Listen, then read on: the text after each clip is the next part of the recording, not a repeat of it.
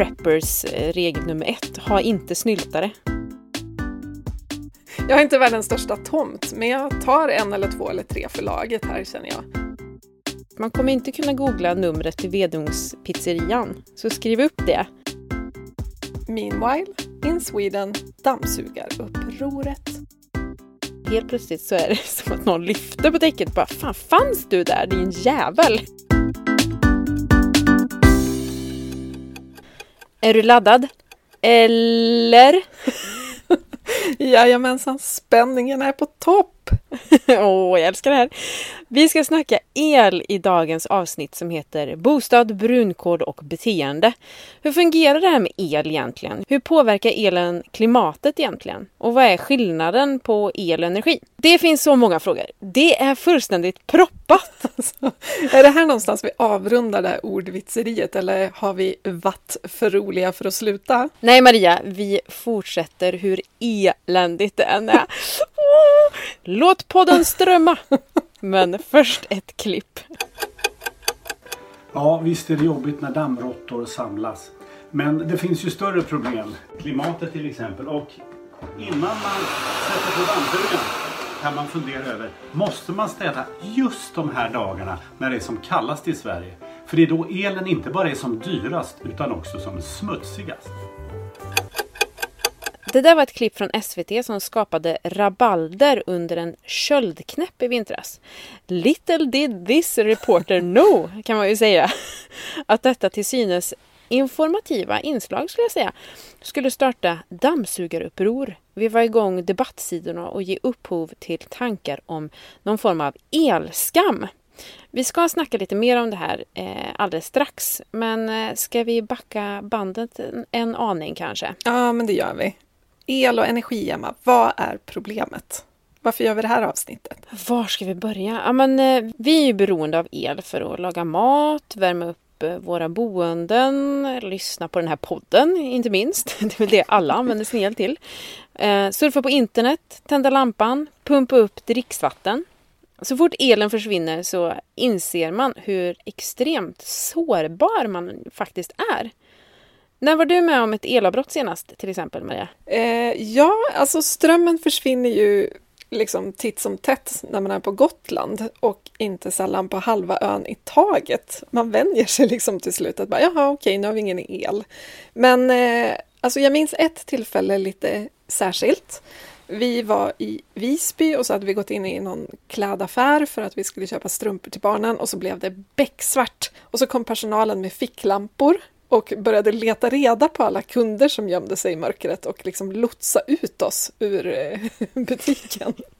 Eh, och hela Visby var verkligen nedsläckt. Och en av de få restauranger som faktiskt kunde fortsätta med business as usual, det var en pizzeria som gjorde vedugnspizza. Ganska logiskt.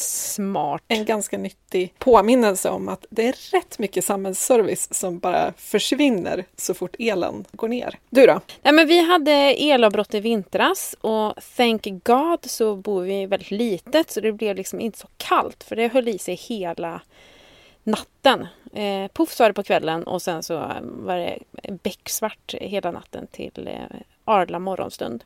Bra grej, vi bor ju väldigt nära mina prepper-föräldrar som har kamin och gammal vedspis och jordkällare och bilbatterier för att kunna ladda mobiler och sånt.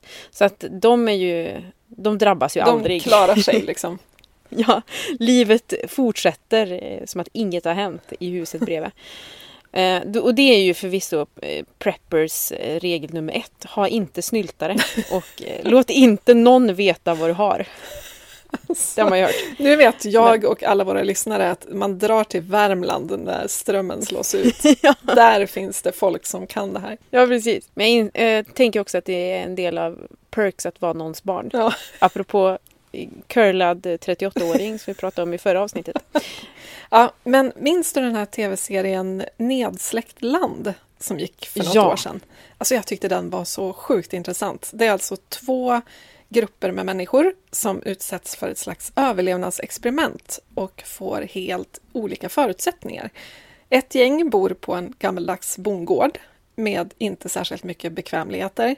Och de andra bor i ett så hypermodernt typ smart house med techlösningar för precis allt. Gissa två gånger vilka som fick lite problem när twisten visade sig vara ett långdraget elavbrott. Alltså jag tyckte det här var det här är något av det bästa SVT har gjort. För det var, visst gick det på SVT? Ja, och tyvärr ligger den inte. kvar. Jag kollade igår. Eh, Den finns inte på SVT Play. Men vi kan väl alla mejla och tjata tycker jag. Maila ner SVT. För alltså den där tv-serien har påverkat mig big time. Och är förmodligen en av anledningarna till varför jag bor där jag bor. Nära de här... jag bara måste flytta närmare mina föräldrar. Eh, nej men en anledning till att jag flyttade ut på landet. Eh, så nu kan jag vara snyltare på heltid. Känns bra och tryggt. Då, men eh, däremot att kunna ha bättre förutsättningar att ta hand om sig själv. Och också att man inte drabbas så hårt kanske om elen försvinner under långa perioder. Är det nu vi går in Eh. på någon slags prepper-spår här då? Ja, jag vet, alltså jag försöker undvika det för jag tycker att det låter som att man har blivit lite galen.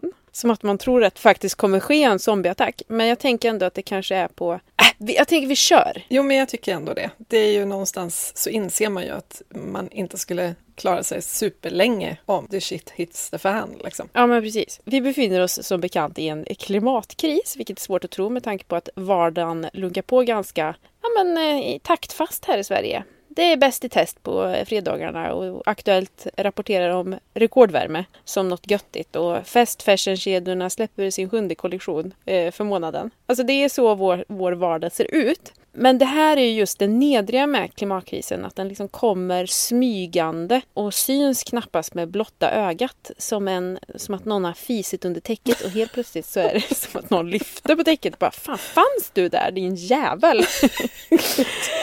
ja, nej men klimatkrisen syns inte med blotta ögat, i, i alla fall inte här i Sverige. Jämförde du just klimatkrisen med en fis under täcket?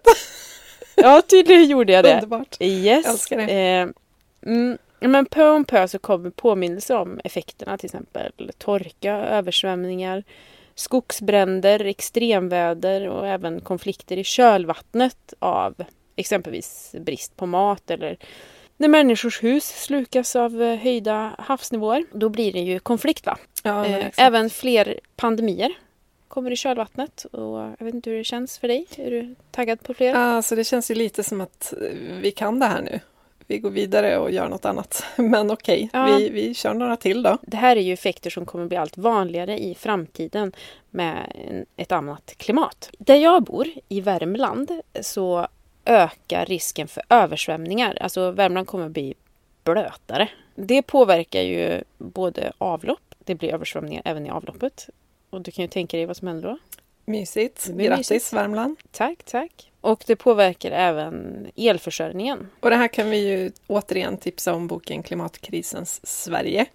Som, Ja. som beskriver det här och som inte bara pratar om Värmland såklart utan gör liksom nedslag runt om i Sverige så man får lite ja, men så här, olika scenarior på vad som faktiskt kommer att hända. Ja, men jag vet inte om du minns, ja men det minns du, men våren 2018 så skickades den här foldern om krisen eller kriget kommer. Ja, Vad var känslan när den landade i brevlådan? Alltså, någon slags mittemellan lite så här att nackhåret reste sig Mm. för att det kändes som att någonting kom nära för första gången. Och samtidigt lite så här, men va? Här händer det ju ingenting. Du kanske var lite mer eh, nyanserad, för jag var mer så här, vad ska jag med den här till?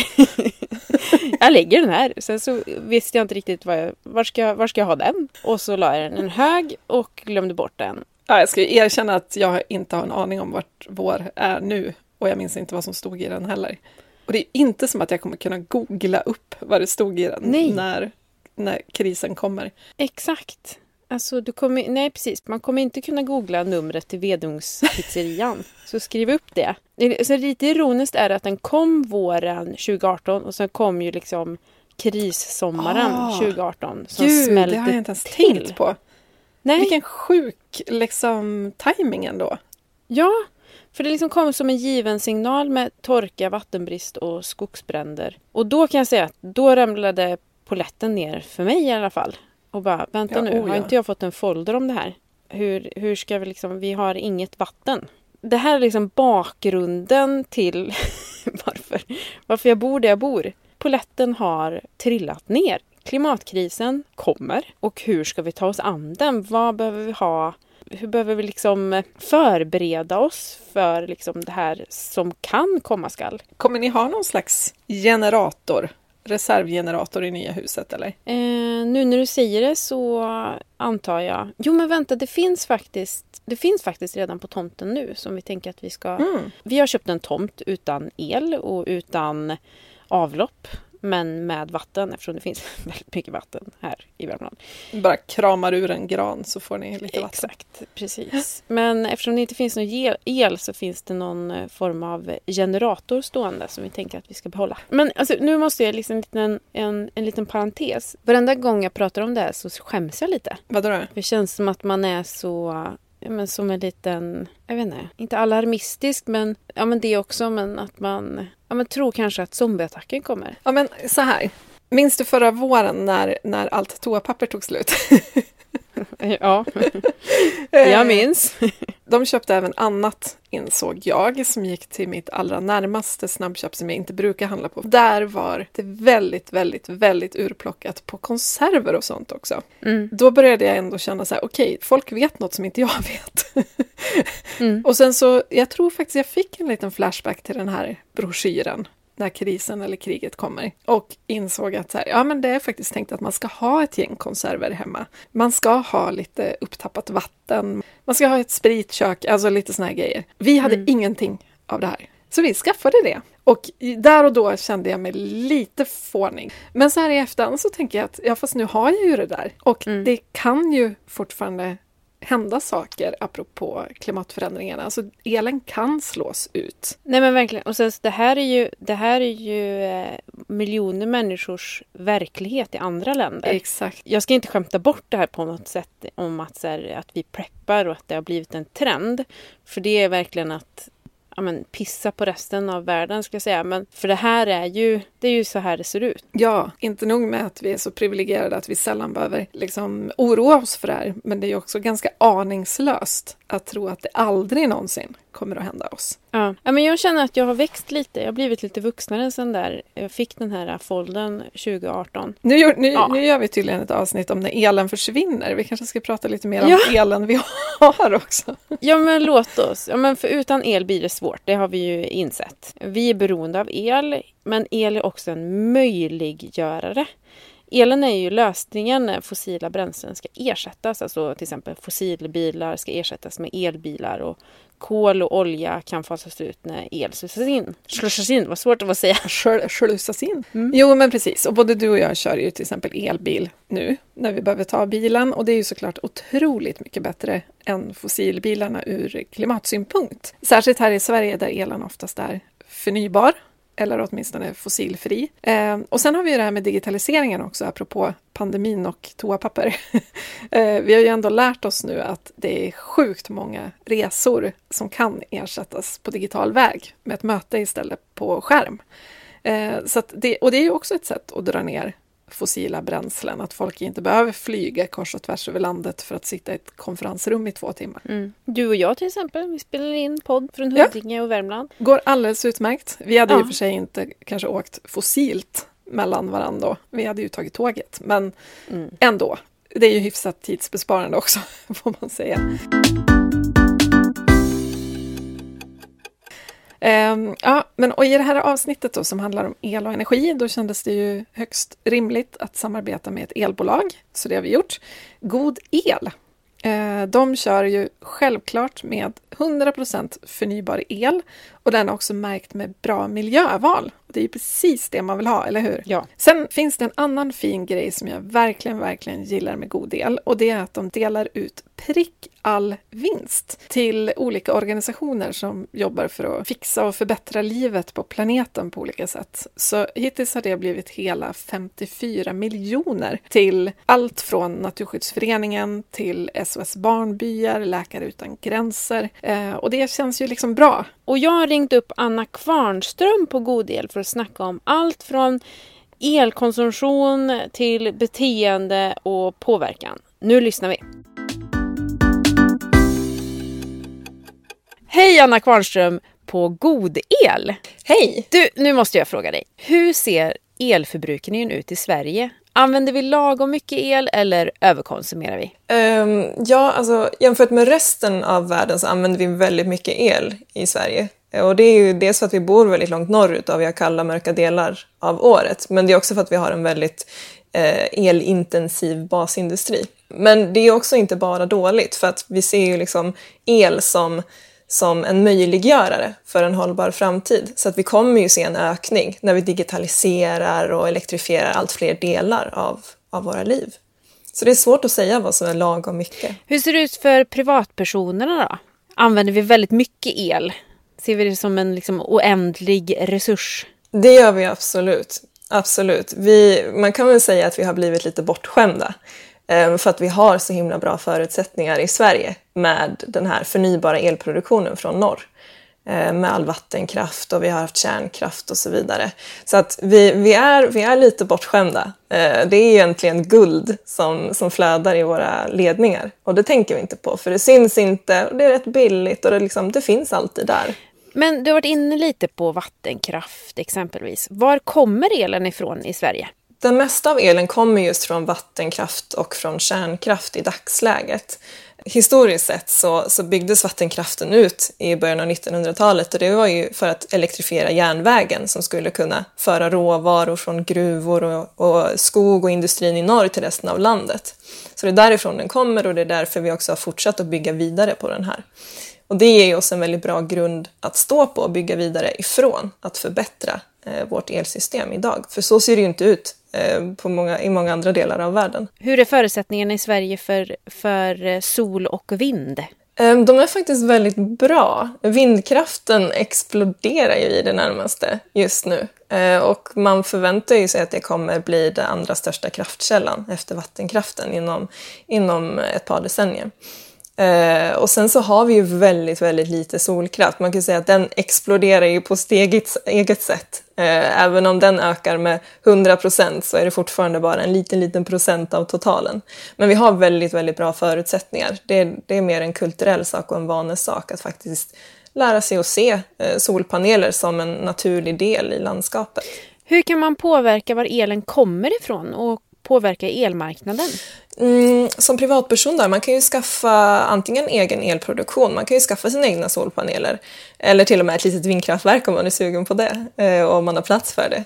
Ehm, annars så är det ju det absolut viktigaste, det är att ha koll på ursprunget. Eh, och där kan det vara väldigt lätt att liksom tappa bort sig i djungeln av, av uttryck som typ grön el, eh, hållbar el och så vidare. Och det finns ju ingen egentlig definition där. Så från vår sida så jobbar vi då med Naturskyddsföreningens märkning Bra miljöval. Eh, för den ser vi som en oberoende märkning som då garanterar att elen kommer från förnybara källor och det skapar mervärden för klimatet och miljön runt om i Sverige. Man pratar ofta om femte bränslet. Vad är det för någonting? Eh, jättebra fråga. Eh, jo, men vi har ju de fyra första bränslena och det är de här klassiska kol, eh, kolväten som olja och bensin och så, så kärnkraften och den förnybara energin är liksom en klump. Eh, men det femte bränslet, det är energieffektivisering, så det är egentligen ingenting. Eh, och det har ju då förbisetts lite, antagligen för att det liksom inte syns på samma sätt, det är svårt att ta på, det känns inte lika spännande liksom att tänka ta bort, uh, utan istället att förbättra det man har. Uh, då, istället för att hela tiden tänka nytt, nytt, nytt och mer. Liksom. Men faktum är att energieffektivisering uh, kan leverera över 40 procent av de utsläppsminskningarna från energisektorn som kommer behövas under de kommande 20 åren om vi ska möta våra globala klimatmål. Så det är rätt ja, coolt. Det låter ju rimligt att, eh, att börja i den änden också. Absolut. Eh, men du, hur ska vi förändra vårt beteende och på vilka olika fronter då för att eh, energieffektivisera? Bra fråga. Eh, svaret på det är nog att på det sätt som känns bra för dig. Um, jag skulle absolut kunna sitta här och preacha kring hur man ska bete sig. Släck lampan och så här, sluta, sluta köra bil. Um, men i slutändan så är det ju vardagen vi pratar om ändå och om det är för svårt så kommer det inte funka i längden. Och framförallt så kommer det inte vara en positiv upplevelse. För det är också viktigt att vi ser de här beteendeförändringarna som någonting som berikar våra liv långsiktigt och inte någonting som gör att vi måste reducera oss själva eller liksom ta bort saker från vårt liv som gör det sämre. Men med det sagt så är det då viktigt också att, att man vågar utmana sig själv lite ibland och ifrågasätter sina val. Eh, det kanske inte är så svårt att släcka den här lampan eller till exempel ta cykeln istället för bilen och sådär. Och om man inte ifrågasätter sig själv så kommer man ju faktiskt aldrig komma på att ah, man kunde göra det lite annorlunda. Och det blev inte sämre. Vilka nya innovationer hoppas du på som, som ska hjälpa oss att bli mer energieffektiva?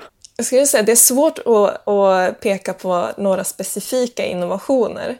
Men jag tror att det är väldigt, väldigt viktigt att man ser, ser det som liksom ett, ett, en uppsjö av olika innovationer. Um, och det är för att spegla att liksom klimatkrisen och energiomställningen, de har inte en magisk lösning. Det är inte bara energieffektivisering, det är inte bara solpaneler. Utan det krävs en mängd olika lösningar, stora och små. Eh, allt från att släcka lampan till att liksom, eh, sluta investera i kolkraft. För världen är ju liksom inte en homogen plats. Så att de problem som måste lösas och de utvecklingar som behövs, de kommer ju skilja sig väldigt mycket från plats till plats. Ja, men som privatperson kan man ju göra en hel del, men vad kan branschen göra egentligen? Ja, men precis. Och det här då, det, det gäller ju för oss som privatpersoner. Eh, men det vi egentligen behöver sikta mot är ju en, en systemförändring. Eh, och där har vi ju näringslivet då, både stora bjässar som, som till exempel Godel och Ellevio och, och små innovativa företag då. Där har ju vi en enorm möjlighet och, och framförallt ett ansvar att driva igenom de här stora, stora förändringarna som egentligen krävs. Um, och där behöver ju då elaktörer som Godel och Ellevio ligga i framkant eh, och liksom rusta och säkra upp elmarknaden. Ehm, både liksom den elen som, som flödar i ledningarna men också själva, själva nätet som någonstans är ryggraden för det här eh, hållbara samt, eh, samhället. Ehm, där behövs ju det rustas för liksom, nya beteenden, nya typer av smarta tjänster, automatiseringar och en mer liksom utspridd eh, elproduktion. Tack! Eh, jag är ju supertaggad på solceller själv. Det här ska bli spännande. Vi får se hur det går. Men tack så mycket och ser fram emot eh, att upptäcka fler nya innovationer som hjälper oss att ja, men, värna om den här rikedomen som du pratade om, det här guldet som flödar. Precis. Tack själv. Ja, vi hörs. Ha det bra! Det gör vi. Hej! Godel har just nu en tävling som heter Startup for Climate som handlar om innovationer som kan hjälpa oss att nå 1,5-gradersmålet. alltså Parisavtalet. Eh, rimligt. Och den här tävlingen kan man faktiskt ansöka om att delta i om man har en egen innovation som handlar om energiförbrukning eller effektivisering. Hur coolt vore det inte om en av våra lyssnare vann den här tävlingen, Maria? Alltså jag tänker att då tar vi åt oss en del av äran. Eller? ja. Äh, men precis just nu så letar ju alltså då God El med ljus och lykta efter årets potentiella vinnare. Så gå in och kika på startupforclimate.com och FOR skrivs som en fyra i adressen startupforclimate.com och ansök. Vi andra som kanske då inte är innovatörer på samma sätt, men vi kan faktiskt också göra en insats här för vi kan rösta fram årets vinnare bland alla bidrag som kommer in. Och man kan rösta på alla bidrag man gillar, så man behöver inte välja. Och rösta gör man antingen via en app som heter We Don't Have Time, finns där appar finns, eller på startupforclimate.com.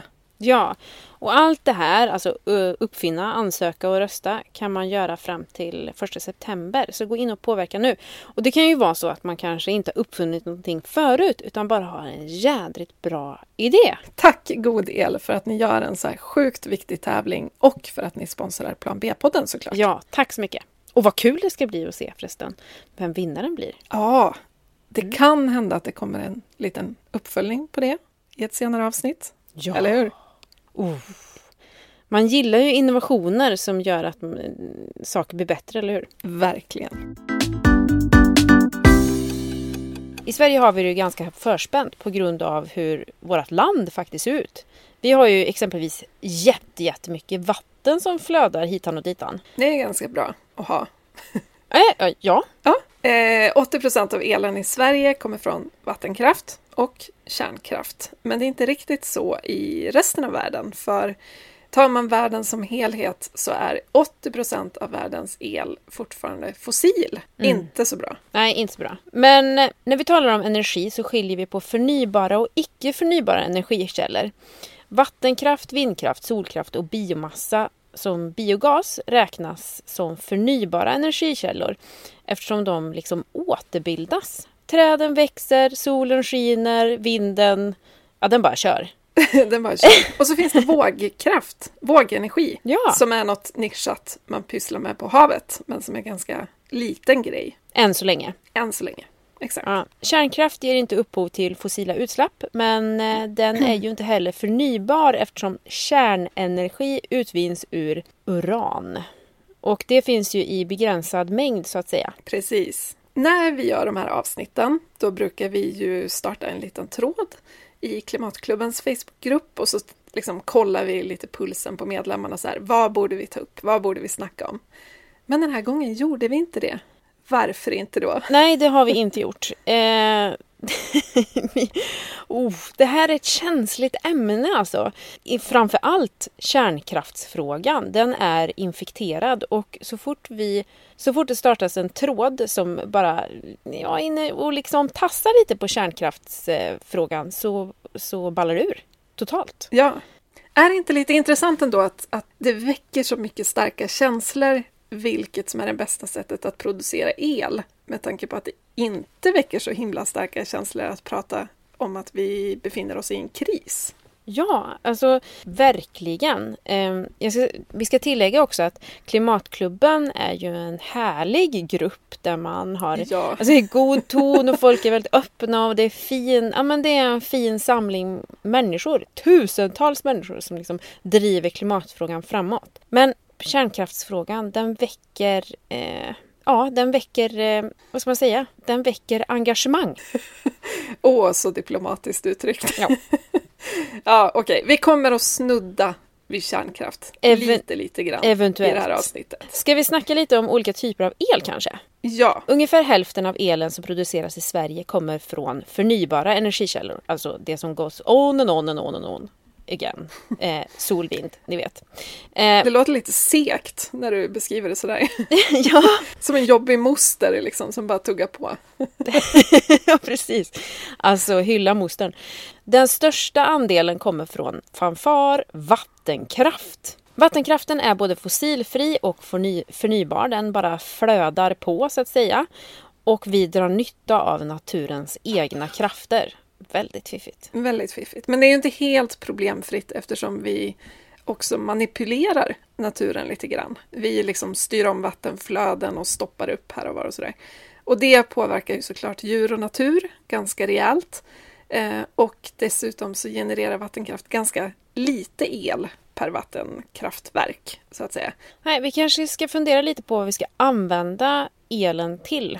Men eh, vinden då? Ja, Vindkraft står än så länge för en ganska liten del av Sveriges elproduktion, cirka 12 procent under 2019. Vindkraften har däremot ökat kraftigt de senaste åren. Eh, Men då kommer vi till en annan liten eh, knäckfråga kan man säga. Var ska alla vindkraftverk stå? Kan de stå hos dig eller? ett par får jag nog plats med. Ja, Jag har inte världens största tomt, men jag tar en eller två eller tre för laget här känner jag. Ja, men- Smacka upp dem bara. schysst. Schysst, Schysst. Soxbo. Ja. Men eh, är du, välkomnar du dem?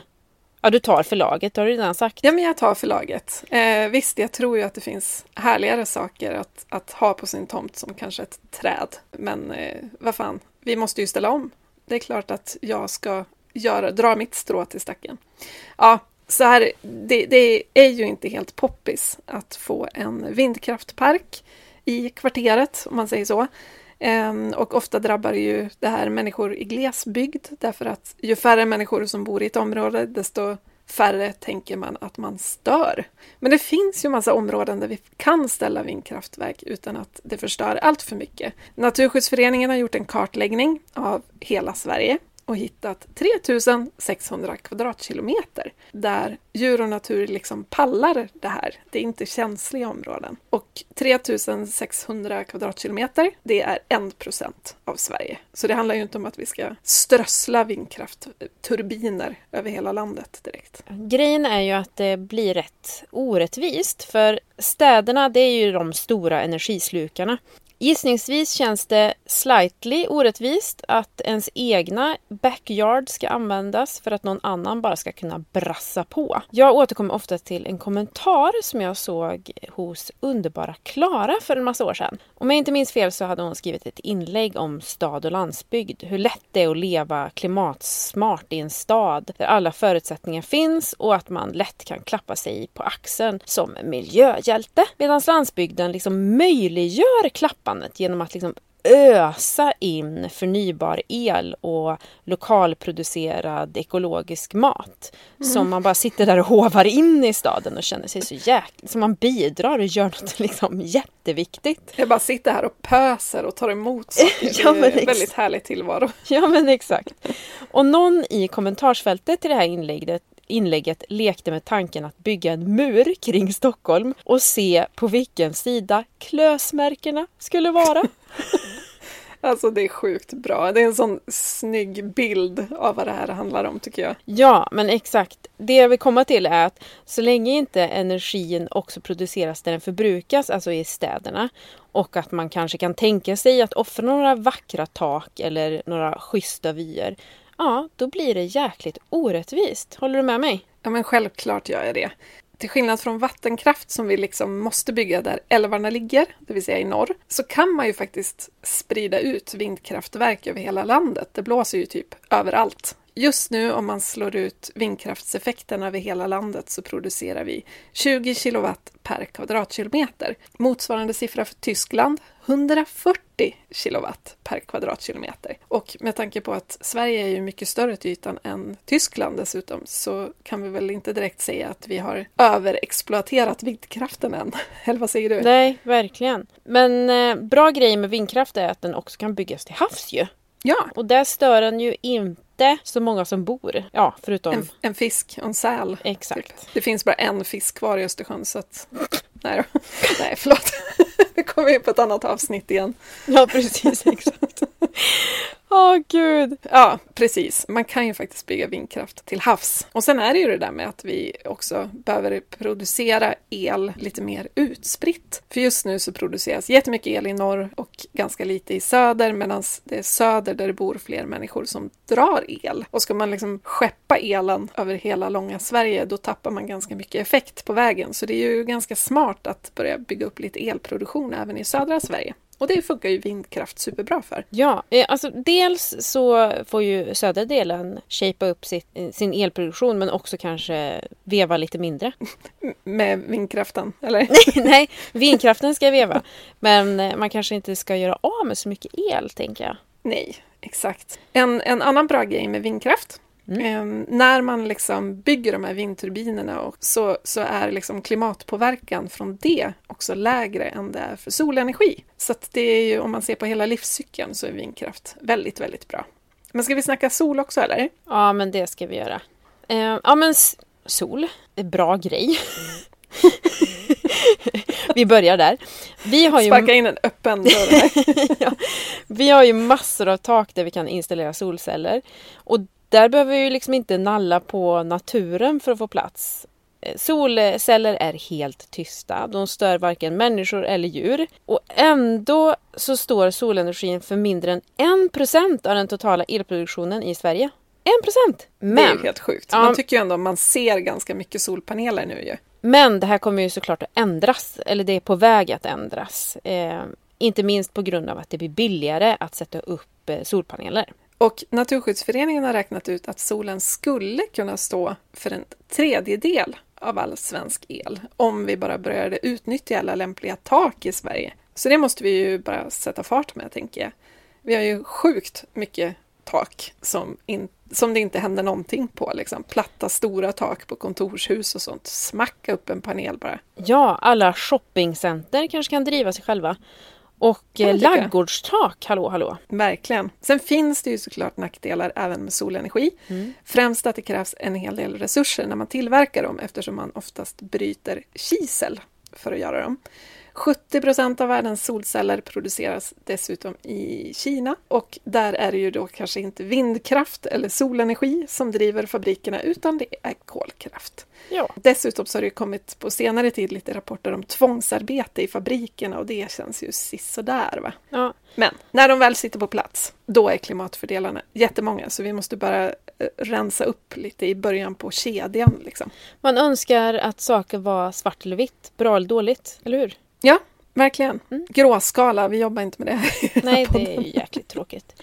Men du, apropå något så much gråskala. Jag bor ju i solstaden Karlstad. Här skiner solen alltid. Kanske inte just idag, idag regnar det. Visst var det Isabelle McAllister som kom med den lysande haha, idén att Karlstad borde bli Sveriges solcellsmecka. Alltså så smart. Ja, det är sjukt smart. Ja, men halva PR-arbetet är ju liksom redan klart. Lyssnar Karlstad kommun på podden eller? Snart gör de det, när jag skickar den till dem Exakt. med brev. Eh, Men det här är ju superbra, alltså Karlstad eller valfri annan kommun som vill ta över soltronen kan ju bara börja skapa jättemycket arbetstillfällen och liksom ta hem lite produktion från kolkraftskina kanske. Ja, en Ja. Lysan, lysande framtidsutsikter. Mm, Vill, de ha, vill de ha copy så är det bara hört av sig. Åh gud, det är ordvitseri-VM här. Kanske någonting för Lysekil? Sollentuna. Sol, Solena. Solentuna. Alltså, gud, Ah, ring ja. oss. Okej, Ja, kärnkraft. Orkar vi ens? nej, nej, det gör vi inte. Eh, eller ja. Ja, men Okej. det är, okej. Kärnkraft är ju fossilfritt men det är också dyrt och det är farligt och vi måste lagra kärnkraftsavfallet någonstans. Precis, och den, det finns ju en bred svensk politisk energiuppgörelse som har kommit fram till att ja, men all el i Sverige ska vara 100% förnybar år 2040. Och kärnkraft är inte förnybart, så det borde egentligen vara en icke-fråga, men det är det inte, kan vi konstatera i vissa forumtrådar. Och dessutom så sjunker ju förnybar el i pris jättemycket nu. Både vindkraft och solenergi blir billigare och billigare ju mer tekniken går framåt. Fossil el, kärnkraft går åt motsatt håll. Det blir dyrt i jämförelse. Jag tänker att vi faktiskt ska avslöja vad vi själva tycker här. Hur känner du för den? Ska du visa färg? Ja, lite Ja, nervös. det känns lite nervöst. Jag tänker så här, jag tycker inte att kärnkraft har liksom ett existensberättigande i framtiden i världen efter omställningen. Liksom. För det är farligt och det är dyrt och det handlar ju om att gräva ner läskiga saker någonstans och hoppas att de inte gör väsen av sig på tusen år. Men jag tänker ändå att vi inte ska avveckla den kärnkraft vi har förrän vi har bra ersättare på plats. Så att det inte slutar med att börja importera kolkraft eller någon annan skit. Vad känner du? Jag är ju en ganska orolig människa. Så jag känner att det här med att sopa saker under mattan and hope for the best. Det är inte riktigt min melodi. Ja, men jag tycker att det känns... Man vet att det är, finns risker. Även om tekniken har kommit väldigt långt. Men det här med att gräva ner skitfarliga saker i jorden och eh, bara hålla tummarna. Det, jag Bara hoppas att alla det. som var involverade i det här bygget av lagringsutrymmet inte hade en dålig dag på jobbet. Ja men exakt. Alltså jag tänker of- ofta på att vi, vi måste komma ihåg att vi människor, vi gör mänskliga misstag. Det där kan man ju ägna någon minut åt att tänka på. sjutton, en ja. aning. Nej men sen så tänker jag också, jag tycker framför allt att vi ska börja ändra vårt beteende. Vi kanske ska fundera på vad som är direkta behov och vad som är begär. Och sen så ser vi hur mycket el vi behöver när behoven Ja, är täckta. Vad ska vi använda elen till? Och sen, okej, hur mycket behöver vi? Och sen, var ska den komma ifrån? Ja, men som exempelvis den svenska stålindustrin som skapar stora rubriker när de ska göra fossilfritt stål. Och det är ju fantastiskt. Men det här kommer ju kosta enorma mängder el och då tänker jag att det kanske är läge att fråga sig Ska vi använda stål på samma sätt som vi har gjort tidigare eller ska vi tagga ner ett par hekto eller ganska många hekto? Eftersom det kräver mycket Exakt. energi. Ja, men verkligen. Och vi har ganska mycket material på jorden redan. Vi kanske inte behöver producera så sinnessjuka mängder, även om det är ett bättre alternativ än tidigare. Precis så. Apropå beteendeförändringar då, ska vi snacka lite dammsugaruppror kanske? Det kan vi göra. Ska vi dra the background story eller? Ja, Här kommer den. SVT Reporter gör i februari 2021 ett reportage om att köldknäppen drivit upp elbehovet och självklart också då elpriserna. Så att för att liksom skona tittarnas plånböcker lite så tipsar man i inslaget om att här, det är en ganska bra grej att inte dra igång de allra värsta elförbrukarna, som till exempel dammsugaren, de närmaste dagarna för att det kommer liksom att kosta orimligt mycket. Och dessutom är det ganska dåligt för klimatet då, för ju dyrare el desto smutsigare är den också. Och folk gick bananas. Ja, man hade ju kunnat tänka sig att det här var ganska bra information att få. Men nej! Folk vill kunna dammsuga när som helst på dygnet. Det är en mänsklig rättighet tydligen. Jag, jag tänker lite så här. Säg att du producerar jättemycket tomater. Och så kommer jag och säger, ja det är ju min rätt att äta upp dem. Du ska ha dem nu. Ja. Alltså, För tråkig kund. kund, jag tänker inte ens betala för dem. Jo, det tänker jag. nej, nej. Nej, men jag, lite är det ju så att jag tänker att de här som tusentals människorna som glatt hoppade in i dammsugarupproret och liksom började brassa el. Det är ju inte de som producerar elen. Det är inte människor med solpaneler på taket. Jag tror verkligen inte det. Utan det här är ju bara människor som tycker att staten får inte styra mig. Nu hittar jag på, men jag tror dessutom inte att det var de mest frekventa som dammsuger heller. Oh!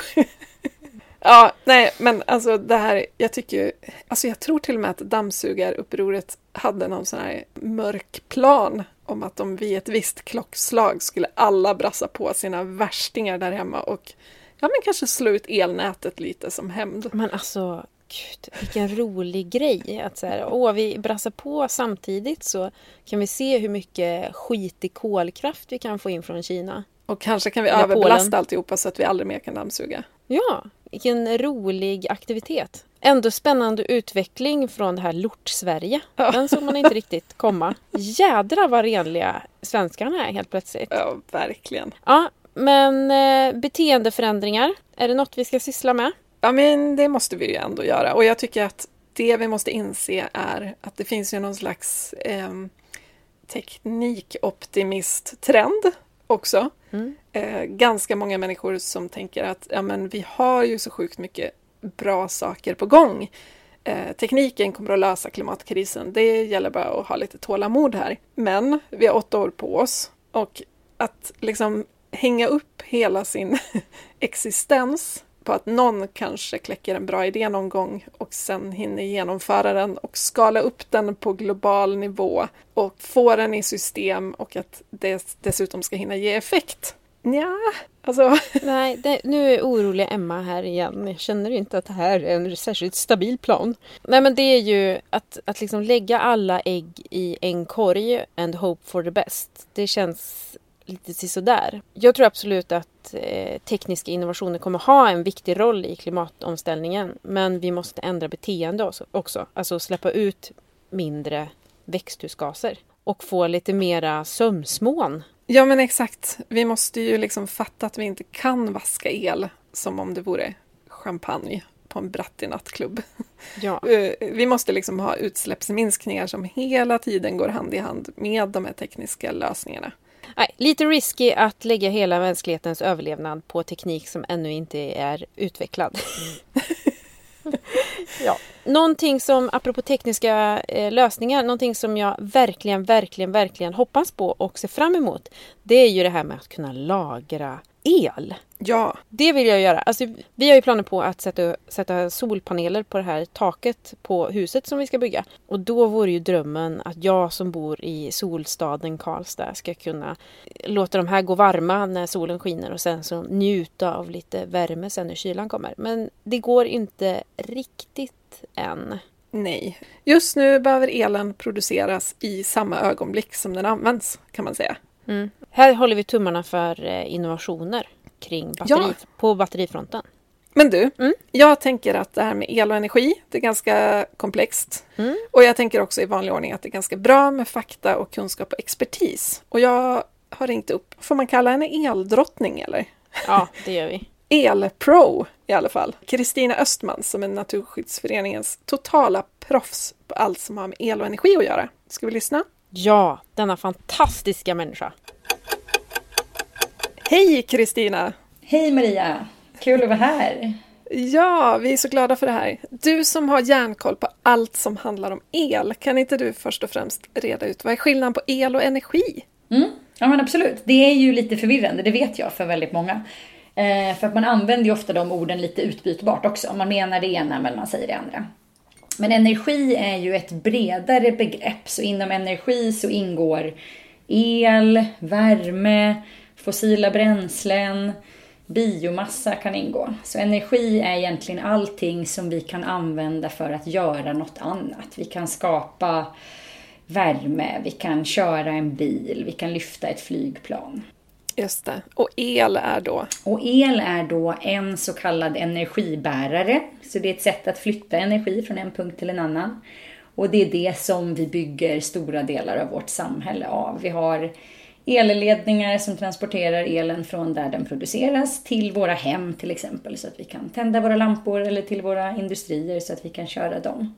Vi intervjuade ju dig till boken Gör skillnad också och där berättade du om elbassängen som är helt ärligt den bästa förklaringen jag någonsin har hört på hur elsystemet egentligen funkar. Kan inte du dra den igen? Mm. Jo men absolut. Um, och bakgrunden till den kan man väl säga för att el Eh, ganska speciellt på många sätt. Bland annat att det alltid blandas. Så att el är liksom du kan inte köpa el från en anläggning och veta att du får den därifrån utan det beror på att all el som matas in i systemet blandas med varannat och sen så får du ut den någonstans och det är det du använder i ditt hem. Och det är där jag har använt mig av den här liknelsen med en bassäng. För att om du tänker på hela elsystemet som ett badkar eller en bassäng där det kommer in el från kärnkraft och det kommer in el från vattenkraft och det kommer in el från vindkraft och kanske lite solel och kanske lite kraftvärme. Allt det här har vi då matat in och sen när du tänder lampan i ditt hem eller laddar din elbil då blir det som att du tömmer den där bassängen lite grann och så får du den blandningen. Och det här får ju du oavsett vad du har för gjort för aktivt val hemma. Så om du aktivt har valt vindenergi eller solel eller vad det nu kan vara så får du egentligen ändå den här mixen. Men det är ändå så att om du gör ett sådant aktivt val så kommer du se till att du betalar för den elen som du har valt aktivt. Så om du väljer att köpa vindkraft, då kommer dina pengar gå just till vindkraft. Men elen som kommer i ditt uttag är då ändå en blandning från den här bassängen, lite av varje helt enkelt. Just det. Och varför är det då viktigt att ändå välja till exempel 100% förnybart om det ändå inte är det jag får? Mm. Jo, men därför att det du betalar, så när du har valt vindkraft till exempel, eller någon slags förnybar el. Eh, här har ju Naturskyddsföreningen en egen märkning som heter Bra miljöval och då är den både förnybar och så säkerställer vi också att den har så liten påverkan som möjligt på biologisk mångfald. Men genom att du gör ett sådant val, då ser du till att de företagen som tillverkar den här rena elen får lite extra ersättning för det. Och det kan ju i sin tur göra att fler och fler företag gör det och så plötsligt får vi ännu mer förnybar el än vad vi har haft. Så att på sikt så är det här ändå ett smart val att göra för att man betalar för det bra snarare än det dåliga. Och det är det man kan komma ihåg att som privatperson då, det är jätteviktigt att välja ett bra elavtal. Det är liksom steg ett kanske man kan säga. Men det är också jätteviktigt att inte slösa med den elen som du har. För att den är inte bara ren, även om du har valt ren el, utan Just du får det. den här blandningen. Så du kan alltid göra stor nytta genom att minska din elanvändning lite grann, även om du har ett bra Är det en poäng att jag går runt och övertalar alla mina grannar att också byta till förnybart bara för att liksom, blandningen i bassängen ska bli lite härligare? Om du förstår vad jag menar. Ja, men det är ja. faktiskt det. Det är det som händer. Att desto fler som är villiga att betala för det här, desto mer går priserna upp och desto mer incitament har företagen. Eh, det blir också färre och färre kvar då så att säga som är villiga att köpa den här icke-fina elen. Och då blir ju den också mindre värd. Så att säga. Just det. Det pratas ju också om elbrist och effektbrist. Både nu kan vi höra att det finns elbrist ibland och sen där i framtiden ska alla ladda sina elbilar så då blir det elbrist. Men är det elbrist vi pratar om? Eller är det effektbrist och vad är skillnaden? Mm. Det kan vara både och i lite olika sammanhang. Det här är också två termer som man ofta blandar ihop, både från politiskt håll och ibland används det lite slarvigt av journalister och allmänheten. Men Så att också om man tänker på el, jag sa att det var speciellt för att det alltid blandas, det är ena aspekten. Det andra som är speciellt med el är att man inte kan lagra det särskilt enkelt. Så du kan liksom inte, och på det sättet så är liknelsen med en bassäng ganska dålig. För den där bassängen kan ju liksom stå där och skvalpa hur länge du vill tills du tömmer den. Medan med el så är det alltid ett flöde. Och det gör att så mycket el som vi behöver använda i samhället eller i en stad eller i ett privat hushåll eller i en industri. Så mycket el måste kunna levereras prick till den punkten, prick vid det tillfället. Och flödet av el, det är det som är effekt. Så här kan du också, om vi är kvar vid vattenliknelsen, så är det liksom hur stort är ditt rör? Hur mycket vatten eller el då kan flöda genom det vid ett visst tillfälle?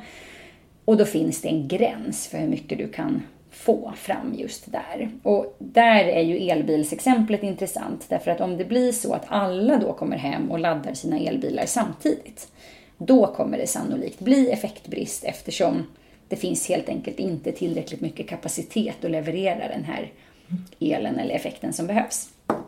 Ehm, så det är effektbrist och det handlar om framförallt hur mycket plats det finns i ledningarna, alltså i elnätet. Sen kan vi också prata om elbrist. Och det skulle ju då vara en situation om vi tänker att Sveriges elanvändning skulle öka jättemycket från idag och samtidigt skulle vi inte bygga ut ny el och vi skulle också lägga ner nuvarande till exempel kärnkraft. Då skulle vi kunna hamna i en elbristsituation där vi helt enkelt inte har så mycket el som vi behöver. Just det, då handlar det inte längre om liksom rören så att säga utan det handlar Exakt. helt enkelt om att det inte finns tillräckligt mycket att hälla genom rören längre. Nej, precis, ja. det finns inte tillräckligt mycket från början så att säga. Så i nuläget tänker du elen produceras produceras någonstans och så ska du transportera den. Och antingen finns det en brist där elen produceras, själva mängden el som vi kan få ut. Eller så finns det en brist i hur du transporterar den från punkt A till punkt B. I praktiken får ju de här två samma effekt kan man mm. säga. Så både effektbrist och elbrist kan ju till exempel leda till att man inte kan bygga en fabrik någonstans där man skulle vilja bygga det. Men lösningen är ju helt olika beroende på vad problemet är. Om det är effektbrist, ja men då får man lösa det genom att bygga mer elnät eller större kapacitet i de näten som finns. Medan om det är brist på själva elen, då behöver man ju bygga ut den istället. Just det. Är det här någonting vi behöver oroa oss för i Sverige? Något av de här två? Eller liksom, finns det alltså, en plan som täcker in det här? Lite sådär kanske kaxigt så skulle jag säga nej. Eh, det här är ju extremt politiskt debatterat just nu. Det stämmer att det svenska elnätet är eftersatt. Vi har, så det stora problemet idag och det som har skapat diskussionen som pågår är att runt en del av våra storstadsregioner, Stockholm, Uppsala, Malmö bland annat, finns det brist i elnätet. Och det gör att man kan inte transportera in så mycket el i de här storstäderna som man skulle behöva. Och det beror på att man inte har byggt ut elnätet tillräckligt mycket tidigare. Det beror inte på att vinden inte blåser eller att vi har lagt ner ett kärnkraftverk. Utan det här beror på att det finns brist i, dem, i det elnätet. Och det här åtgärdas men lite långsamt. Um, och det beror på att det tar väldigt lång tid att bygga elnät och det tar nog egentligen också längre tid än vad det kanske borde behöva ta för att det är långa tillståndsprocesser. Mm. Men det här är också intressant för det har lett till en del spännande lösningar i de här städerna där företaget som äger elnätet har tvingats komma på andra lösningar. Så att både i Uppsala och i Stockholm och Malmö så har man skapat lokala marknader där kanske en stor industrikund får betalt för att sänka sin elanvändning lite grann. För då frias det upp mm. lite kapacitet i nätet. Så att i viss mån har ju det här snabbat på en utveckling som ändå var på gång men som nu sker lite snabbare. Så att vi behöver bygga ut elnätet, annars skulle vi få problem på sikt. Men det är ju inte någonting som gemene man behöver oroa sig för att vi kommer få slut på el och att jag inte kommer kunna ladda min bärbara dator när jag ska sitta här hemma och jobba. Eller dammsuga, apropå Eller dammsuga, dammsuga. ja! Det är ju väldigt viktigt att alla kan dammsuga precis när de vill. Men du, varför, varför går det inte att lagra el nu? Jag menar, vi, vi laddar ju en telefon till exempel och så lagrar mm. vi liksom el i den och så går det att köra den ett tag. Varför går inte det i stor skala? Jo, men och det gör det. För att det du säger där med telefonen, då laddar ju du den i ditt batteri mm. på telefonen. Så även det är en form av lagring. Så det finns ju många tillfällen där vi faktiskt lagrar energin, men då inte som el. Ah. Och det här kan man göra rent fysiskt kan ett sätt att lagra energi vara att du har ett vattenkraftverk och så när du har billig el då liksom pumpar du upp vattnet i den här dammen och då är ju det ett stort vattenlager. Och när du släpper på det så blir det el åt andra hållet istället. Eh, batteriet i din mobiltelefon är ett annat exempel. Eh, batterier i elbilar kommer vara ett annat exempel där man kan lagra. Så det finns många sätt att lagra energi. Men inga sätt att lagra själva elen. Och det här betyder att det uppkommer alltid vissa förluster. Så att annars skulle man kunna tänka sig att du laddar ditt batteri och sen använder man elen senare. Och det kan man göra, men då kommer du inte ha lika mycket kvar i det batteriet som du har matat in från början. Mm, okay. Men det som är fiffigt just nu, för det sker ju en enorm teknikutveckling vad gäller hur vi använder energi, i vilka processer vi använder el och så vidare. Och den teknikutvecklingen gör att det finns fler och fler möjligheter att lagra energi utan att det egentligen blir besvärligt eller märks så mycket. Och ett exempel kan vara just en elbil. Så att vi pratade ju innan om att om alla skulle komma hem samtidigt och ladda sina elbilar, då skulle det vara ett problem, för då finns det inte tillräckligt mycket kapacitet i elnätet. Men om vi istället tänker tvärtom. Okej, okay, jag vet att imorgon ska jag köra till jobbet med min elbil. Jag vill att den är laddad då. Det spelar ingen roll om den laddar nu när jag kommer hem eller om den laddar klockan tre i natt. Då kan du se till att din bil automatiskt laddar när elpriset är lågt. Det kommer ske någon gång under natten och det är lågt, ja, dels för att efterfrågan är låg och sen så blir det också lägre ifall det är en stor produktion just då. Så om det blåser väldigt mycket till exempel, då blir elpriset mm. billigt. Så att om du lagrar din, eller laddar din bil då på natten och sen kör du den på morgonen, då har du ju lagrat den energin och på sätt och vis liksom hjälpt hela elsystemet istället för att du ska ladda bilen precis när du behöver det. Just det, just det. Och smartladdning finns ju redan så det här är ju Exakt. inte liksom rocket science utan det här Verkligen går ju att inte. Göra. Det här är ju en tjänst man kan köpa. Mm. Eh, och det finns motsvarande saker för värmesystemen. Så att istället för att din värmepump står och liksom matar lika mycket hela tiden så kan den också automatiskt läsa av elpriset och så ser den okej, okay, nu är det högt elpris, då pausar jag en liten stund men då har ju du ändå väldigt bra värmelagring i huset vilket gör att det blir ju inte kallt mm. så fort värmepumpen slutar.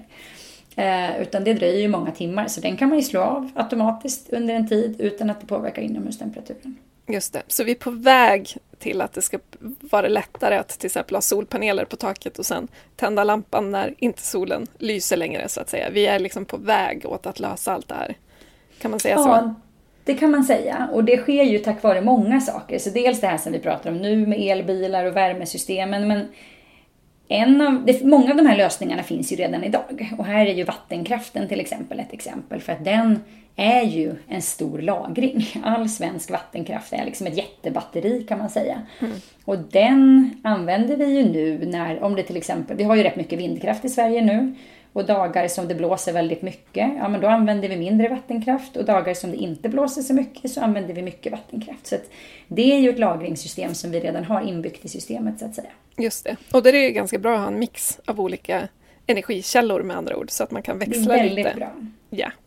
Precis, och det gör också att, för vi har ju ett mix då i Sverige, vi har vattenkraften som sagt och vindkraften och kärnkraften och olika kraftslag. Men vi sitter ju också ihop med alla våra grannländer. Mm. Så den här bassängen har ju liksom inte bara utgångar i Sverige utan även i Polen och Tyskland och Norge och Danmark och Finland och så vidare. Och det gör ju att det blir ännu större mix. För då kan vi ju använda inte bara den svenska vattenkraften utan den norska vattenkraften. Där har de 95% vattenkraft. Mm. Så de har liksom nästan bara vattenkraft i sitt elsystem. Eh, Medan i Danmark har de väldigt mycket vindkraft. Så att i supervindiga dagar, eller blåsiga dagar, då exporterar ju Danmark el till både Sverige och Norge. Medan när det inte blåser lika mycket så importerar de. Så att den där bassängen blir ännu större och på det sättet så är det el från flera olika ställen som kan kompensera varandra. Ja, precis. Men eh, vi individer då, som inte liksom har, har så mycket att säga till om när det gäller vilken el som produceras. Vad är det viktigaste vi indiv som individer behöver tänka på för att liksom, vara en del av lösningen snarare än en del av problemet när det gäller el och energi? Mm. Um, om vi breddar det så att vi pratar både om energi och el mm. för privatpersoner, då skulle jag säga att det allra bästa är ju förstås att börja där energin är som smutsigast. Så att om du till exempel har en bil eh, som du kör antingen på diesel eller bensin, då kan du göra störst nytta genom att byta ut den bilen eller köra mer sällan, för då använder du mindre av den här fossila energin. Och det är det vi måste göra oss av med först. Eh, likadant naturligtvis om du flyger eller gör annat där det finns en direkt användning av fossila bränslen. Eh, om man inte har det och inte har en direkt, ja men du transporterar dig inte på fossilt vis till vardags, utan det snarare då är din elanvändning som du bör se över. Då handlar det ju mycket om att energieffektivisera. För att vi, i Sverige så har vi en elproduktion som har väldigt låg klimatpåverkan. Så på det sättet så kan man säga att om jag minskar min elanvändning så gör inte det jättestor direkt skillnad för klimatet jämfört med om vi hade haft massa kolkraftverk till exempel i Sverige. Mm. Men å andra sidan så är det ju så att den här svenska bassängen som sagt, den kan ju också exportera el till andra länder. Och där använder man ju fortfarande fossila bränslen för att producera el. Så att om Sverige exporterar mycket el, vilket vi gör idag, då kan det leda till att man producerar mindre el i kanske ett polskt eller tyskt kolkraftverk. Just det. Så det är ena skälet till att det gör stor nytta att energieffektivisera. Och det andra är att just nu sker en omställning där vi går från fossila bränslen till el inom transporter, inom industrin, flera sektorer. Och det gör att elanvändningen i Sverige kommer behöva öka mycket från de sektorerna. Och det kan vi ju antingen hantera genom att bygga jättemycket ny elproduktion eller så kan vi hantera det genom att faktiskt energieffektivisera en hel del där vi redan använder mycket el. Så att man kan liksom flytta en del av den elanvändningen från till exempel villor till elbilar. För att de här villorna mår ju bara bättre av att vara lite mer energieffektiva. Det blir billigare för de som bor där, det blir ofta bättre inomhustemperatur. Och sen så kan man använda den elen till att ladda en bil som annars kanske hade gått på fossila bränslen då. Just det, just det. För det är det som jag tycker känns svårt. Så här, var var gör min beteendeförändring störst nytta? Så att mm. det inte mm. bara blir mycket liksom, snack och lite verkstad i slutändan. Ja. Hur ska och det man är tänka? ju svårt. Och det är ju där man också får tänka att det är ju bara så mycket man kan göra som individ och liksom hemma hos sig och sig själv. Så då får man väl också fundera på vad kan man göra ytterligare? Vart kan man engagera sig? Kan man gå med i en förening? Kan man påverka ett parti? Vilka är det som driver de här frågorna? Mm. För att i slutändan så, det är jätte, jättebra med alla individer som gör förändringar och det är också ett sätt att leda och visa, kolla så här kan man göra, det här är också ett roligt liv. Man kan ha en eh, energieffektiv bostad och man kan köra en elbil eller man kan klara sig utan bil eller man kan låta bli att flyga. Alla de här sakerna. Men i slutändan för att alla ska göra samma sak och omställningen ska ske fullt ut, då krävs det ju också politiska beslut. Ehm, men även de driver man ju på genom att fler och fler gör det, så att säga. Det blir en lägre tröskel för politiker att förbjuda någonting, till exempel om det är väldigt få som använder det, för att de flesta har redan gått över till något annat. Just det. Okej, sista frågan här nu då. Om vi elektrif elektrifierar allting fossilt, kan vi då fortsätta som vanligt? alltså, vi skulle kunna det, men då har vi inte löst alla problem skulle jag säga. För att vi mm. lever ju i ett samhälle just nu som byggs på någon slags till synes oändlig tillgång på fossil energi. Det är därför vi har kunnat liksom flyga mer, köra mer bil, ha större bilar, tyngre industrier och allt det här lett till högre utsläpp. Ehm, nu när vi ska gå över till förnybara resurser istället, då är ju de faktiskt begränsade. Det finns inte hur mycket biobränsle som helst. Det finns väldigt, mycket, eller det finns väldigt kraftiga begränsningar på biobränslen. Ehm, vad gäller elproduktionen, den kan vi öka mycket, men även att bygga vindkraft till exempel gör ju ett ingrepp i naturen. Det finns en påverkan av det. Så det finns ingen energianvändning som är helt klimatneutral så att säga. Så att när vi ändå ställer om vårt samhälle just nu, vi går över till elbilar och vi elektrifierar våra industrier och så vidare. Det är ju också nu vi då ska passa på att tänka lite smartare. Det här behöver inte betyda mm. att alla ska bo under en sten och aldrig få resa någonstans, men mycket av det som vi har idag där vi har städer med liksom bilköer fem timmar per dag som folk sitter och trycker i. Alltså det, jag tror att mycket av det här kommer ses som helt ologiskt i efterhand när vi märker att så, men varför skulle jag lägga all den där tiden bara på att stå och vänta? Så vi behöver ställa en elbil till, står ja. parkerad 97 procent ja. av sin livstid och så vidare. Jämfört med att man då betalar för en tjänst som gör att jag har tillgång till en bil när jag behöver. Jag kanske behöver köra bil två gånger i veckan istället för fem som jag gjorde tidigare. Och så har jag också, då ingår också gratis kollektivtrafik på det här lilla kortet där jag har liksom bil ibland, cykel ibland, kollektivtrafik ibland, till exempel. Mm. För det viktiga för mig är ju att jag kan ta mig från punkt A till B, inte att jag gör det med min egen privata bil. Så att ehm, för att klara av både klimatomställningen och bevarandet av den biologiska mångfalden så nej, vi kan inte leva precis som vi har gjort under den här tiden, eh, fast elektrifierat. Superbra. Tack snälla Kristina. Vad grym du är. Tack så mycket, kul att vara här. Alltså, nu måste jag bara säga en grej. Alltså Naturskyddsföreningen sitter på så mycket kunskap och gör så mycket bra kampanjer för allas våran gemensamma framtid. Eh, jag vill ta tillfället i akt och säga att man ska bli medlem i Naturskyddsföreningen och stödja deras viktiga, viktiga arbete. Ja, verkligen. Jag tycker att det är en sån rimlig grej att supporta på alla sätt och vis. Gå med nu, allihop, på en gång. Alla ska gå Tack. med. Mm. Ska vi snacka lite normer eller? Ja, tack. Jag var ute och tog en kvällspromenad, går förbi en lokal elbutik efter stängning. Eh, Den ligger liksom mitt i ett villaområde, det finns inte så mycket annan butiksverksamhet där. I skyltfönstret står massor och åter massor av lampor på display, alla var tända. Varför? Ja, Det är ju så himla orimligt. Ja, det står elbutik, jättestora bokstäver. Det är ingen som tror att det bor någon där med 3000 lampor. Liksom. Det, det är som att vi måste inse att här ligger en elbutik, även om klockan är tre på natten. men det här tycker jag är intressant för när man går genom en stad, en folktom stad eh, på kvällen så är varenda skyltfönster upplyst istället för att den kanske lyses upp när man går förbi. Kan, vi inte, liksom, kan man inte bara tänka att som man gör hemma, när man går ut i rummet så släcker man.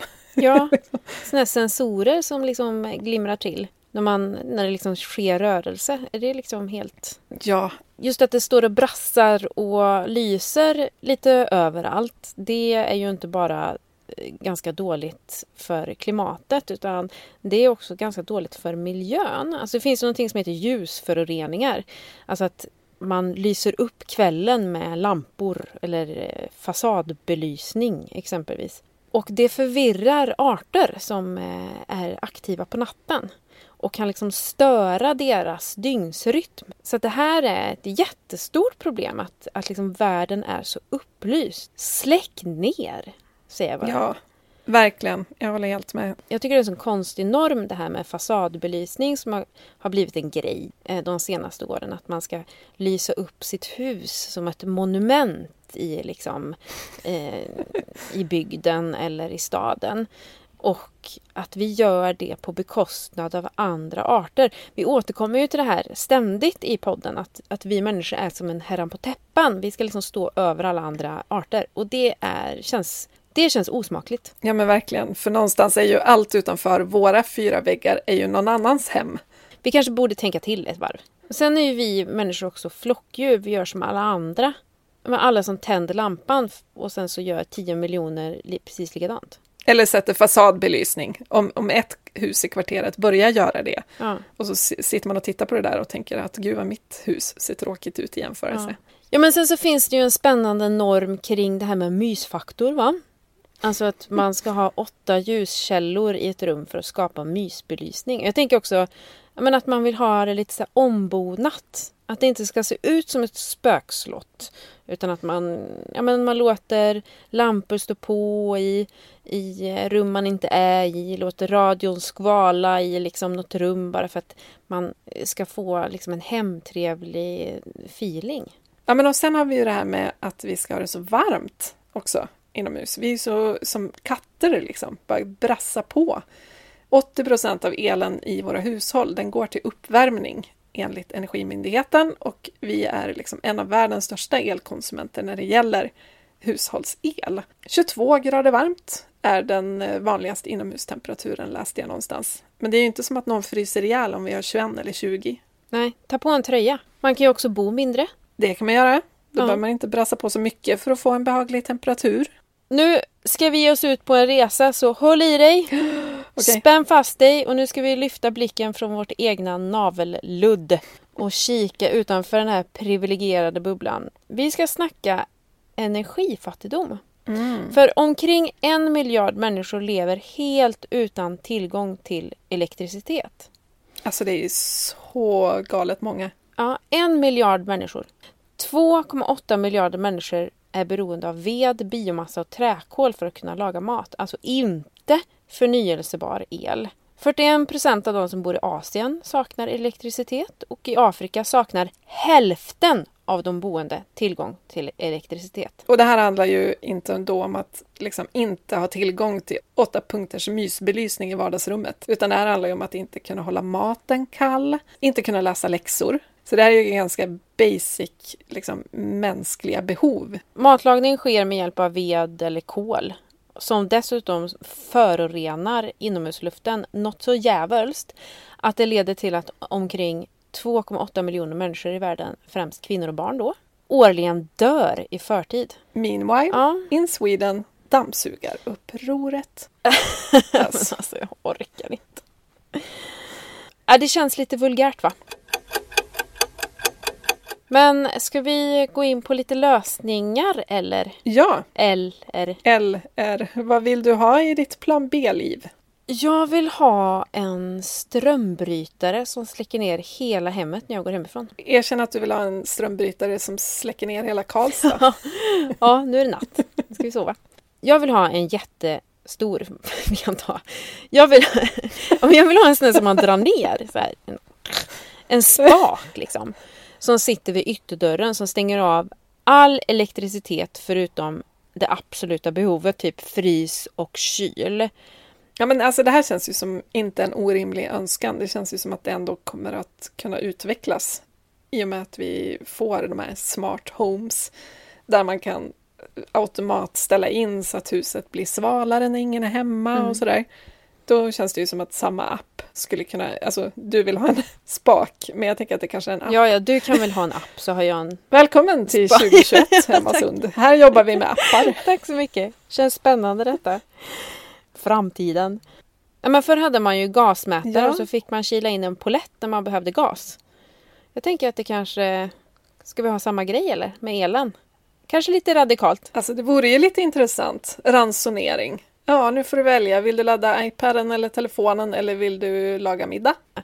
Gud vad skönt det skulle vara så här. Barnen skriker om skärm och tv. Bara, "Nej, men tyvärr, det räcker inte till. Alltså budgeten räcker inte den här veckan. Vad, dröm, vad drömmer du om då? Ja, jag tycker ju framförallt att kommuner borde få i uppdrag och pengar för att sätta upp solpaneler på alla tillgängliga tak. Bums. Ja. Alltså inte ditt garagetak utan liksom skolans tak och kommunhusets tak och sjukhusets tak och så vidare. Alla de här stora feta taken. Det visar ju också på åt vilket håll vi ska gå. Alltså där har ju kommunerna en jätteviktig roll att faktiskt säga Varsågod, den här stigen finns och den tar vi, följ gärna efter. Verkligen. Det är ju, man behöver ju någonstans se att de som styr prioriterar det för att man själv ska bli motiverad också. Jag skulle också vilja ha lite mer konsumentinformation. Det här har vi ett till sexigt ord, lika sexigt som generationsboende. Ja. Nej, men alltså, jag tänker på det här med, med vad dammsugarupproret började i. Att det faktiskt Mm. bara var snälla SVT som försökte spara pengar åt folk. Jag tror inte så himla många vet att elpriset inte bara varierar från vinter till sommar utan att det kan variera sjukt mycket på ett dygn. Mm. Och det tänker jag skulle kunna vara en, en jättebra grej att upplysa om. Att vi ska så undvika rusningstid. Mm. Här kan du spara pengar. Mm. Vart är det kvällstidningslöpet? Eller samhällsinformation genom pushnotiser kanske. Ja, exakt. Ja, nej, nu kanske det blev för mycket storebror. Tänk, kommer någon tycka nu. Men det tyckte Ja. inte Emma Sund. Är du beredd på en lista eller? Ja, det är jag.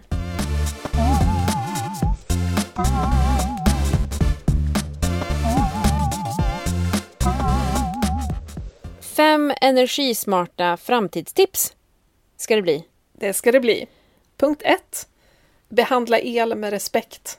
Och, och här menar vi inte bara att man inte ska sticka in fingrarna i uttaget och sådär, utan att man inte ska slösa med elen, utan prioritera vad man använder den till. Det vill säga, det är smart att köra disken i diskmaskin, för det är mer energisnålt än att diska för hand. Så den elen är bra att använda där, men vi kanske inte behöver fasadbelysning. Ja, Un- ja, och dessutom ta bort fasadbelysning ur sortimentet. Nu har jag sagt det. Nu ska jag aldrig nämna fasadbelysning mer. fasadbelysningsupproret. Punkt 2. Byt ut äldre vitvaror och se till att de gamla återvinns. Och så köper man en ny med en grymt bra energiklass. Eh, en bra tumregel kom för några år sedan att man ska byta ut vitvaror som är äldre än sju år gamla. Nu har det där ändrats, är jag hyfsat säker på. Men till exempel har du en kyl eller frys från 90-talet eller början av 2000-talet då kanske det är läge att byta ut den. För, och det handlar ju om att teknikutvecklingen går så himla fort så att även om det krävs resurser för att producera ett sprillans nytt kylskåp eh, så drar den så sjukt mycket mindre energi än ett 90-tals kylskåp så man sparar liksom in det här väldigt, väldigt snabbt. Så det är okej att köpa nytt. Eller väldigt liksom, bättre begagnat, alltså något som är tre år kan man ju köpa på Blocket såklart. Exakt. Eh, och en bra grej att veta är att det från och med i år är nya energiklasser. Det vill säga att nu har man slopat alla plustecken, ni vet A plus eller A plus plus plus. Och nu är det bara bokstäver. A är bäst. Enkelt och bra. Men dubbelkolla såklart eh, att det är nya energiklasserna så att du inte köper en A. Gamla A, för då finns Gamla det ju A. typ fyra saker som är bättre än det med olika plustecken. Precis. Mm. Okej, punkt tre. Eh, här har vi varit inne på undvik rusningstiden. Elen är nästan alltid dyrare och smutsigare när många vill åt den samtidigt, alltså frukosttid och middagstid. Så kan man, nu när man jobbar hemma, kanske man kan dra igång sin tvättmaskin klockan 13 istället för på kvällen. Eh, och då ska man göra det, för det sparar både pengar och klimat. Eller tvätta på helgen för då är det faktiskt eh, oftast billigare. Mm, det är Så sant. passa på. Det är en bra grej att göra storkok där det är eh, när priserna är låga. Och så kan man bara öppna upp matlådan sen när priset är svinhögt. Så har man lite mer klirr i kassan sen. Punkt fyra, det är ju också smart att laga mat tillsammans och laga storkok eftersom om vi ändå ska värma upp ugnen så är det ganska bra att göra åtta portioner istället för en. Gå på middag hos varandra och gå på restaurang. Det är faktiskt energieffektivt. Precis. Punkt 5. Sänk inomhustemperaturen. Mysigt ju. Sänks den med en ynka grad så sparar vi 5% av uppvärmningskostnaden. Alltså ganska mycket. Så det kan ju vara en bra morot. Verkligen. Och de flesta sover ju faktiskt bättre om det är svalt också. Så att man ska ju inte ha 22 grader i sovrummet utan där kan man ju ha 18 kanske, så sover man bättre. Ja, om alla sänker temperaturen hemma så sparar vi helt sjuka mängder energi totalt. Det gillar man ju. Det, är ju, det gillar man. Mm. Okej, utmaning. Ja. Hur har det gått med din, ditt städande? Är det representabelt i Kasasund nu för tiden? Eh, 45 kvadratmeter boyta är lätt att städa. Det är också väldigt lätt att stöka ner. Jag vet inte hur jag lyckas. Det är som att jag dräller. Alltså, jag är en drällis. Men jag har börjat vädra mer. Just nu när det är så göttigt ute, så nu har man ju börjat vädra ut mer. Eller vädra ur mer. ehm, I hemmet, men också kläder. Och eh, har också gått loss med sockerbit på spishäll och även på de här eh, missfärgade kastrullerna. Så jävla bra grej. Mm. Det funkar alltså? Sen Mycket bra. häromdagen så gjorde jag rabarbersaft tillsammans med kidsen. Det kan bli ett eget avsnitt kan jag säga.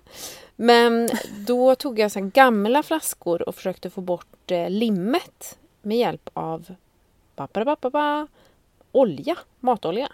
Mm. Så bra grej liksom.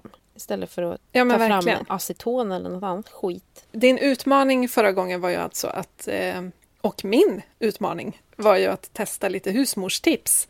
Så det här kan man ju läsa om i våra respektive bloggar också. Jag har ju gått loss med citroner. Jag har haft ett litet käckt citrontema going on. Jag har rengjort våra träskärbrädor med citron och salt och sen fick jag tips om att man kan liksom slänga in de här urkramade citronhalvorna som man tror är bara skräp. De ska man sätta in i diskmaskinen. Så får de städa lite där också. Sen har citroner asmycket bra egenskaper. Man kan ta bort kalkfläckar i badrummet och i köket. Man kan städa mikron om man har en sån. Man kan få bort dålig lukt i sopskåpet eller i kylen. Alltså det luktar ju gott med citron. Mm. Eller hur? Verkligen. Och så ska det funka att använda som fläck, eh, fläckborttagning på kläder och för att putsa mässing. Men så hardcore har jag inte hunnit vara än. Nej herregud, du har ett liv också.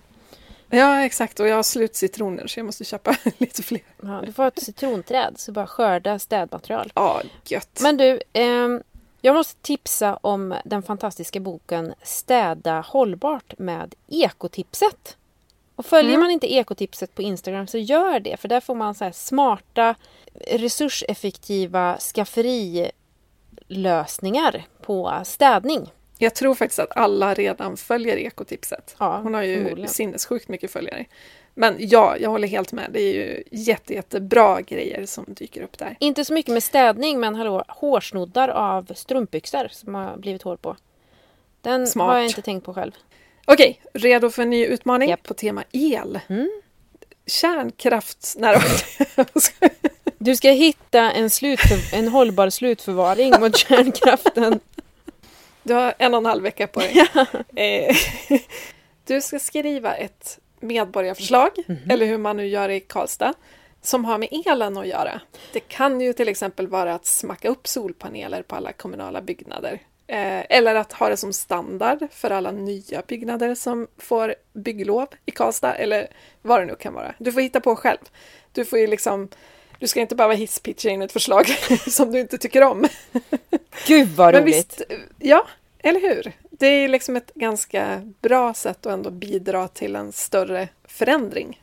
Alltså gud vad kul! Vilken bra utmaning! Ja, och så tänker jag ju att du såklart ska berätta om hur du gjorde och hur det gick och sådär för att eh, fler lyssnare kan ju pitcha in det här till sin kommun. Alla bor ju inte i Karlstad. Nej, men jag kommer anordna såna här tours sen. Exakt. Alltså solstaden Karlstad kommer vara en attraktion för övriga Sverige. Just det. Och här borta har vi slutförvaringen för kärnbränslet. Ja, och vindkraften på din tomt också. Inte Ja, just det. Ja, men du, jag antar utmaningen så jädra taggad. Sjukt kul! Här i Karlstad lämnar man så kallade e-förslag, men jag tänker att jag kanske ska gå steget längre och bara mejla kommunen. Eller hur? Ett mejl från Vevensund. Och så blir det en hel sida i lokaltidningen, det vet man ju. Åh gud, de är så trötta på mig här. Hörni, tack för idag! Det här blev ju inte så eländigt trots allt. Följ oss på Plan B-podden på Instagram. Tipsa oss om önskeämnen för kommande avsnitt. Ni kan alltså kontakta oss via mail, alltså planbpodden gmail.com. Och tack alla ni som har blivit Patreons. We love you so much. Ja, Ni är som familj.